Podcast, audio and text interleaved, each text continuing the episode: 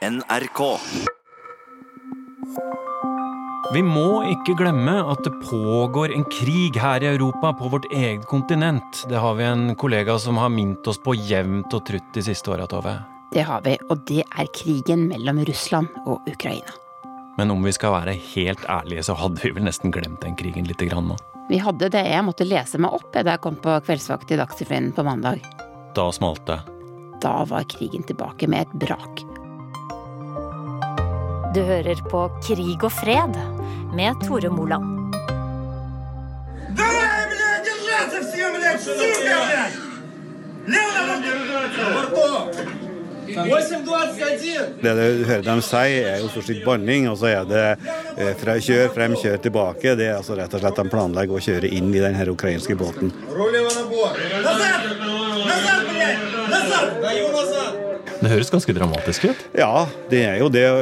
Både det å ramme en båt på det viset ute på havet, og i tillegg også skyte, selvfølgelig. Er, for meg så framstår det her som en overdrevent hard reaksjon. Altså man kan I utgangspunktet så er det jo tvilsomt om Russland har noen som har rett til å stoppe de ukrainske båtene. Det er vanskelig å skjønne at de skal ha det, både etter internasjonal rett og etter den avtalen som finnes mellom Russland og Ukraina. Men sjøl innenfor det Russland mener er riktig, da, så er det en, eh, en voldsomt hard reaksjon.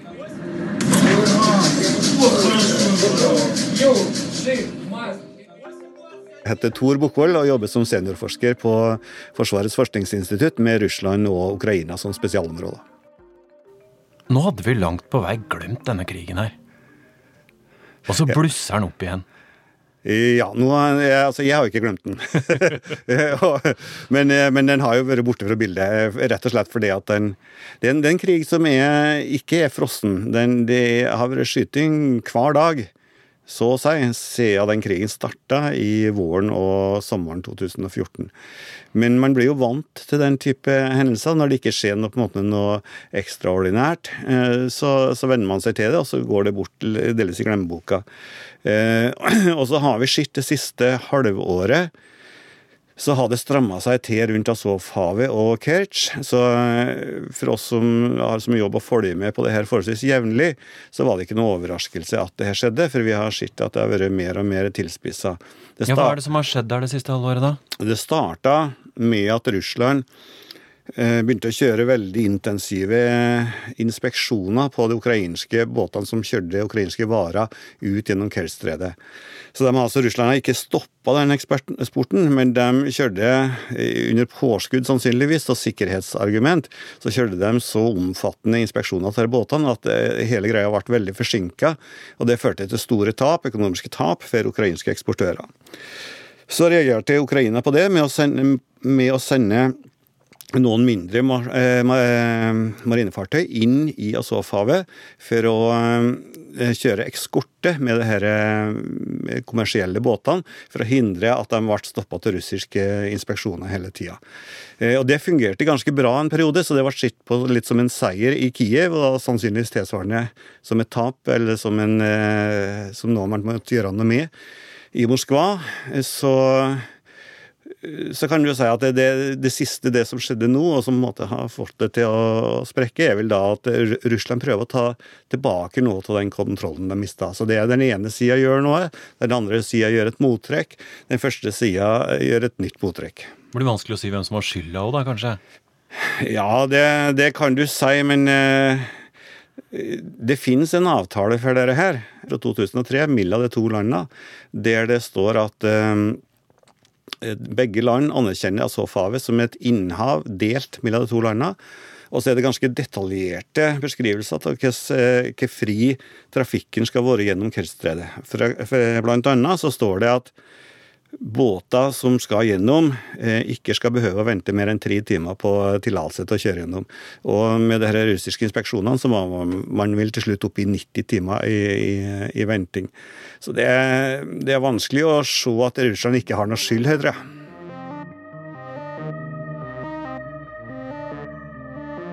Nå har jo denne siste konflikten bare pågått noen døgn, eh, men den viser jo veldig sterkt at eh, russerne ønsker å eh, være de store sterke. de som har helt overlegen militær makt i dette området. Og selv om Russland altså har annektert, har tatt Krimhalvøya i strid med internasjonal lov, vil vel de fleste si, så eh, vil de nå vise at de håndhever sin eh, militære makt, sin autoritet, på havområdet rundt Krimhalvøya. Og de vil ikke slippe noen andre til der. Eh, de har også bygd denne her svære brua på bare litt over to år mellom det russiske fastlandet og Krim. Og det viser også hvor store ressurser de er villige til å spytte inn i dette her. Og, og, og nå har de begynt å håndheve og vise hele verden at det er de som eh, bestemmer her. Hei, jeg er eh, Jan Espen Kruse, og jeg er eh, korrespondent og dekker det tidligere Sovjetunionen, så det er et ganske svært område jeg dekker. Akkurat nå er jeg i Kiev og dekker konflikten mellom Ukraina og Russland. Jeg tror vi må prøve oss på en bitte liten geografitime, og så skal jeg være eleven, og så får du være lærer, Jan Espen, og si fra om jeg får dette riktig. Hvis vi da sier at Krim er eh, på en måte midtpunktet, brennpunktet her, eh, og plasserer det midt på kartet, så har vi eh, Svartehavet da i sør, og så har vi Ukraina i vest, som henger sammen med Krimhalvøya med en eh, liten landtarm, og så har vi Russland i øst, som egentlig ikke henger sammen med Krimhalvøya i det hele tatt, men der det er bygd ei bru over, og så ligger dette Azovhavet da i nord. Og så foregår dette i, i Kertsjstredet, som da er, er stredet mellom Russland og Krim. Var det riktig? Det var en veldig god eh, geografitime. Den eh, tror jeg du hadde fått bestått på. Takk. Men hvorfor er da dette Kertsjstredet og Azovhavet så viktig? Eh, det er viktig rett og slett fordi det jo eh, viser denne konflikten mellom Russland og Ukraina så veldig tydelig. Um, fordi Ukraina er eh, veldig avhengig av eh, dette Kertsj-stredet. For nord i Asovhavet Azovhavet så ligger altså eh, noen av eh, Ukrainas byer. Og de har massevis av tungindustri. Det er metallvarer og sånt de produserer. Og de bruker jo kull fra området i nærheten. Sånn at eh, hvis disse bedriftene ikke får frakta ut eh, sine varer, så får de heller ikke penger til å få betalt alt eh, de som jobber der. Og Derfor er det så viktig at dette Kertsj-stredet, som jo er eneste veien ut og inn fra dette Azov-havet og ut til Svartehavet osv. Eh, hvis russerne stenger det og holder full kontroll på det, så har de makt til å, å ødelegge ganske mye for disse ukrainske byene som ligger innenfor.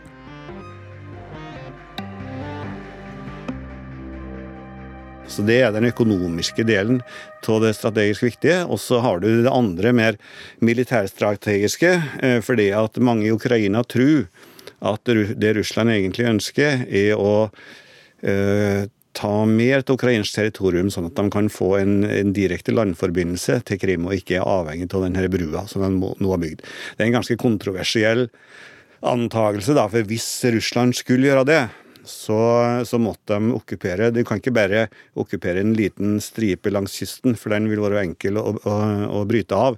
Så da må de okkupere ganske store områder for å få strategisk dybde innover i landet. Og det er en veldig stor operasjon. Så personlig så tror jeg vel at Russland ikke kommer til å gjøre det, men, men ukrainerne er veldig redd for at det skal skje. Så hvis det er sånn at russerne ønsker seg en landforbindelse hele veien til Krim, så snakker vi om en ganske svær militæroperasjon? Ja, det er en, det er en voldsom egentlig militæroperasjon. Og noen, eh, inklusiv den ukrainske utenriksministeren Klimkin, har jo snakka om at de egentlig, Russland kanskje ønsker å ta kontroll over hele den ukrainske svartehavskysten. Men det vil være en enda større operasjon, da. Як президент, як Верховний головнокомандувач Збройних сил України я виконав свій конституційний обов'язок і кілька годин тому своїм указом запровадив воєнний стан на всій території України з 9 години ранку, 28 листопада.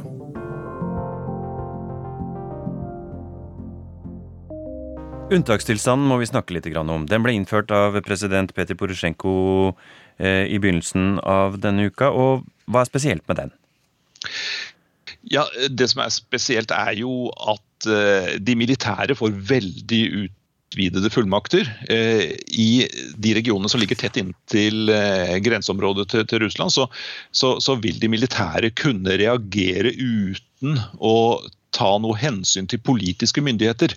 Eh, sånn at eh, De militære er satt i alarmberedskap. Eh, det blir mye mer kontroller i disse områdene. Sikkerhetsmyndighetene har rett til å blande seg mye i større grad inn i folks privatliv. Det er veldig spesielt, sier den politiske opposisjonen her, at dette med militær unntakstilstand ble ikke brukt da Krimhalvøya ble annektert. Det ble ikke ikke brukt da krigen i eh, Øst-Ukraina brøt ut og var på sitt mest alvorlige. Eh, så hvorfor er det nødvendig å gjøre dette så dramatisk akkurat nå, spør opposisjonen. Ja, for president Porosjenko han ligger jo ikke så godt an på hjemmebane før et valg i mars. Kan det ha passa godt for han med en litt stor ytre fiende akkurat nå? Det er det opposisjonen her i Ukraina eh, sier eh, rett ut. At eh, dette har presidenten glede av. Han trenger virkelig å komme seg oppover på meningsmålingene. Han vil nok gjerne ha en ny periode.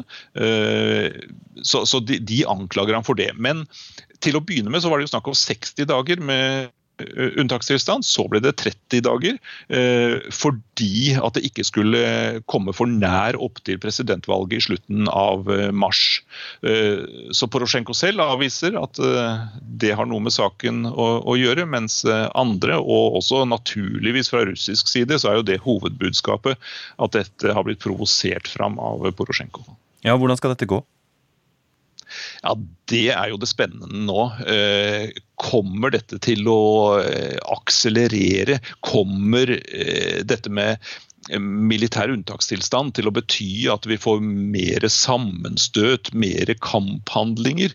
Eh, Porosjenko i parlamentet var jo veldig dramatisk. Han sa at det kommer et stort bakkeangrep fra russisk side snart, sa han.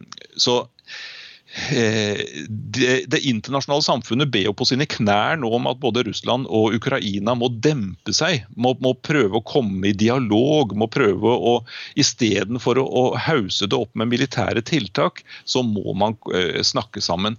Men uh, det tror jeg er veldig vanskelig å få til akkurat nå. Så mange lurer jo på om får vi nå en militær opptrapping av dette her. Det vil jo kunne få fryktelig alvorlige konsekvenser.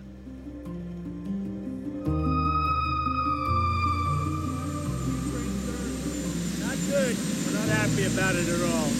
Not at all. We've let our position be known and we're not happy about it. What will the response be? Uh, we, we do not like what's happening either way. We don't like what's happening and hopefully it'll get straightened out. I know Europe is not, uh, they are not thrilled. They're working on it too. We're all working on it together.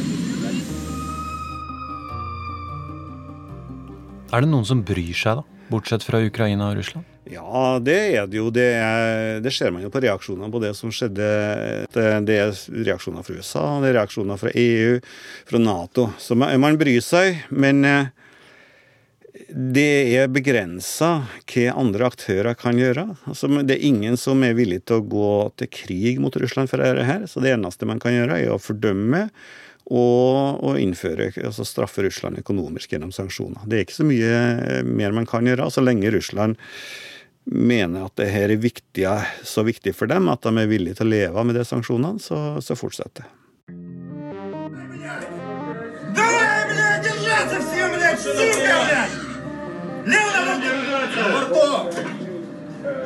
Ukrainerne føler seg som det underdog i denne konflikten. Russerne er storebror, opptrer som uh, storebror, som uh, vi så et ganske konkret eksempel på uh, fra denne kapteinen som jo med banneordene flygende gjennom luften da kjørte inn i denne lille ukrainske slepebåten. Det er ikke tillit, det er ikke kontakt mellom partene, og det er det som gjør situasjonen veldig farlig, ikke minst da hvis man da overlater slagplassen da til sånne personer som denne kapteinen. Og Jeg kan jo også si at det fins ganske ville, ustyrlige krefter på ukrainsk side her også. Det er jo det som gjør situasjonen farlig. Jeg heter Morten Jentoft, jobber i utenriksredaksjonen i NRK. Har vært eh, korrespondent i to perioder i det tidligere Sovjetunionen, med base i Moskva, og har vært også utallige ganger i Ukraina. Og nå sist korrespondent i Moskva fra 2014 til 2018? kom til Moskva 25.8.2014, og dagen etterpå så satt jeg på toget ned til Donbass, til konfliktområdet der det raste en blodig krig akkurat da. Morten, du er den kollegaen jeg har som ofte har minnet oss andre på at det foregår en krig i Europa. Syns du vi har hatt en tendens til å glemme denne konflikten? Ja, det er vel en tendens man ofte har til eh, konflikter. De er hot en stund, og så glir de litt ut i skymyndan. Og sånn har det vel også vært med konflikten i uh, Ukraina. Nå var den jo, uh, som jeg sa, på det mest intense da uh, sommeren tidlig på høsten 2014. Så har den blusset opp igjen, blant annet i januar-februar 2015. Mens etter det så har det jo vært en slags stillingskrig langs en nesten 500 km lang frontlinje eh, øst i Ukraina, i eh, Donbas-området. Men der det eh, har foregått skyting hele tiden, ofte intense kamper, der mange har blitt drept. Mer enn 10 000 er jo drept i konflikten i Ukraina så langt. For deg da, som en observatør som har fulgt dette i mange tiår, hvordan er det å se da at tidligere allierte plutselig blir fiender? Ja, eh, nei da, det er Jeg prøver jo ofte når jeg er i Ukraina eller i Russland å snakke liksom hvorfor kan ikke dere bli venner igjen, og hva tenker dere om framtiden? Dere har jo slektninger på begge sider av frontlinjen. Jeg, jeg, jeg, prøver, jeg prøver, å være liksom litt sånn eh, forhandleren for å få til eh, kontakt og sånne ting igjen. Og det sier ja, jo da, det vil vi gjerne. Vi, vi har ikke noe imot eh, russere, vi har ikke noe imot ukrainere. Eh, vi vil jo ha kontakt, vi vil leve fredelig sammen. Men så går de da likevel neste dag ut og skyter på hverandre. Og uh, dette blir jo selvfølgelig, og det ser vi jo også nå, altså dette blir jo også en del av et større politisk maktspill. Det er jo ingen tvil om, om det. At her er det også maktpolitikere på toppen som ønsker å vise handlekraft, som ønsker å vise seg som den tøffeste gutten i, i, i gaten også. Men blir folkets følelser på sett og vis brukt da, av politikerne? Selvfølgelig blir det brukt. Det gjør det jo. Og eh, det som også, som jeg merker jo, det er jo det at jo lenger konflikten går, jo mer blod som flyter, jo større så blir bitterheten. sant? Altså Det blir vanskeligere og vanskeligere å se for seg at vi kan leve sammen. Og det gjelder jo f.eks. også befolkningen inne i disse her eh, separatistkontrollerte områdene, eh, som er veldig bitre på den ukrainske regjeringen, som sender granater i hodet på dem. Uh, og så kommer jeg og sier ja, men dere er jo liksom brukt av russerne, og vi, dere er jo et del av maktspillet til dem, og kunne ikke dere liksom uh, funnet en løsning med ukrainerne? Ja, men virkeligheten vår er at vi får granater i hodet. Hva hadde du gjort, Morten, hvis du er i den samme situasjonen der? Så det er det er det som er virkeligheten altså, i, i, i de områdene der borte. altså Hat, eh, bitterheten, da bare øker. Og våpen er det, alkohol er det mye av, og den kombinasjonen der, den eh, er jo ikke helt god.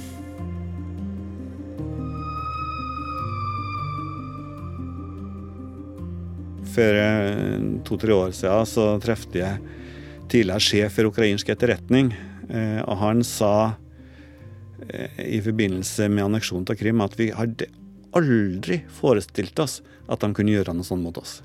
Så jeg tror det var et sjokk. Voldsomt sjokk for Ukraina. Det er mulig at det ikke burde vært det, for det hadde jo kommet truende signaler fra Moskva for så vidt over lang tid. Men de fleste ukrainere, altså inklusive sjefen for etterretninga, hadde ikke egentlig trodd at eh, Russland kunne komme til å bruke militærmakt mot Ukraina. Så Sånn sett så tror jeg du har et poeng at det er noen som følte seg så tett. Meningsmålingene viste jo at helt fram til til regimeskiftet og Maidan i februar 2014, så hadde det overveldende flertallet av befolkninga i Ukraina et veldig positivt syn på Russland. Over 70% sa at de hadde et positivt eller veldig positivt syn på Russland. Nå er det ganske sterkt forandra, selv om det er mange som fremdeles har det. Men eh, det var det føltes nok ekstra vondt for ukrainerne ja, at eh, russerne skulle, skulle begynne å skyte på dem. Det er noe med når folk som har levd tett sammen, altså slektninger nesten, da, begynner å bli uvenner. Så blir det stygt, så blir det røft. Og Det har vi jo sett eksempler på andre steder også. Altså, det er ingen konflikter som blir så brutale som en borgerkrig. Der folk som tilsynelatende har levd fredelig sammen, da plutselig da eh, blir eh, fiender, og det får frem det, det verste, det mest negative i, i oss mennesker.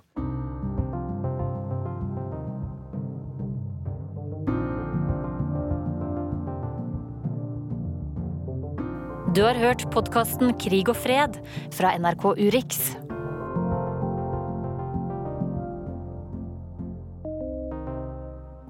Og Russland og Vladimir Putin har en rolle i neste ukes podkast òg, Tove? Ja, da skal det handle om eh, maskulinitet eh, mot demokrati. Og vi skal se litt inn i krystallkula for 2019. Du har fått en ganske spennende gjest på kroken. Ja, en eh, amerikansk historieprofessor som er ganske skremmende å lytte til.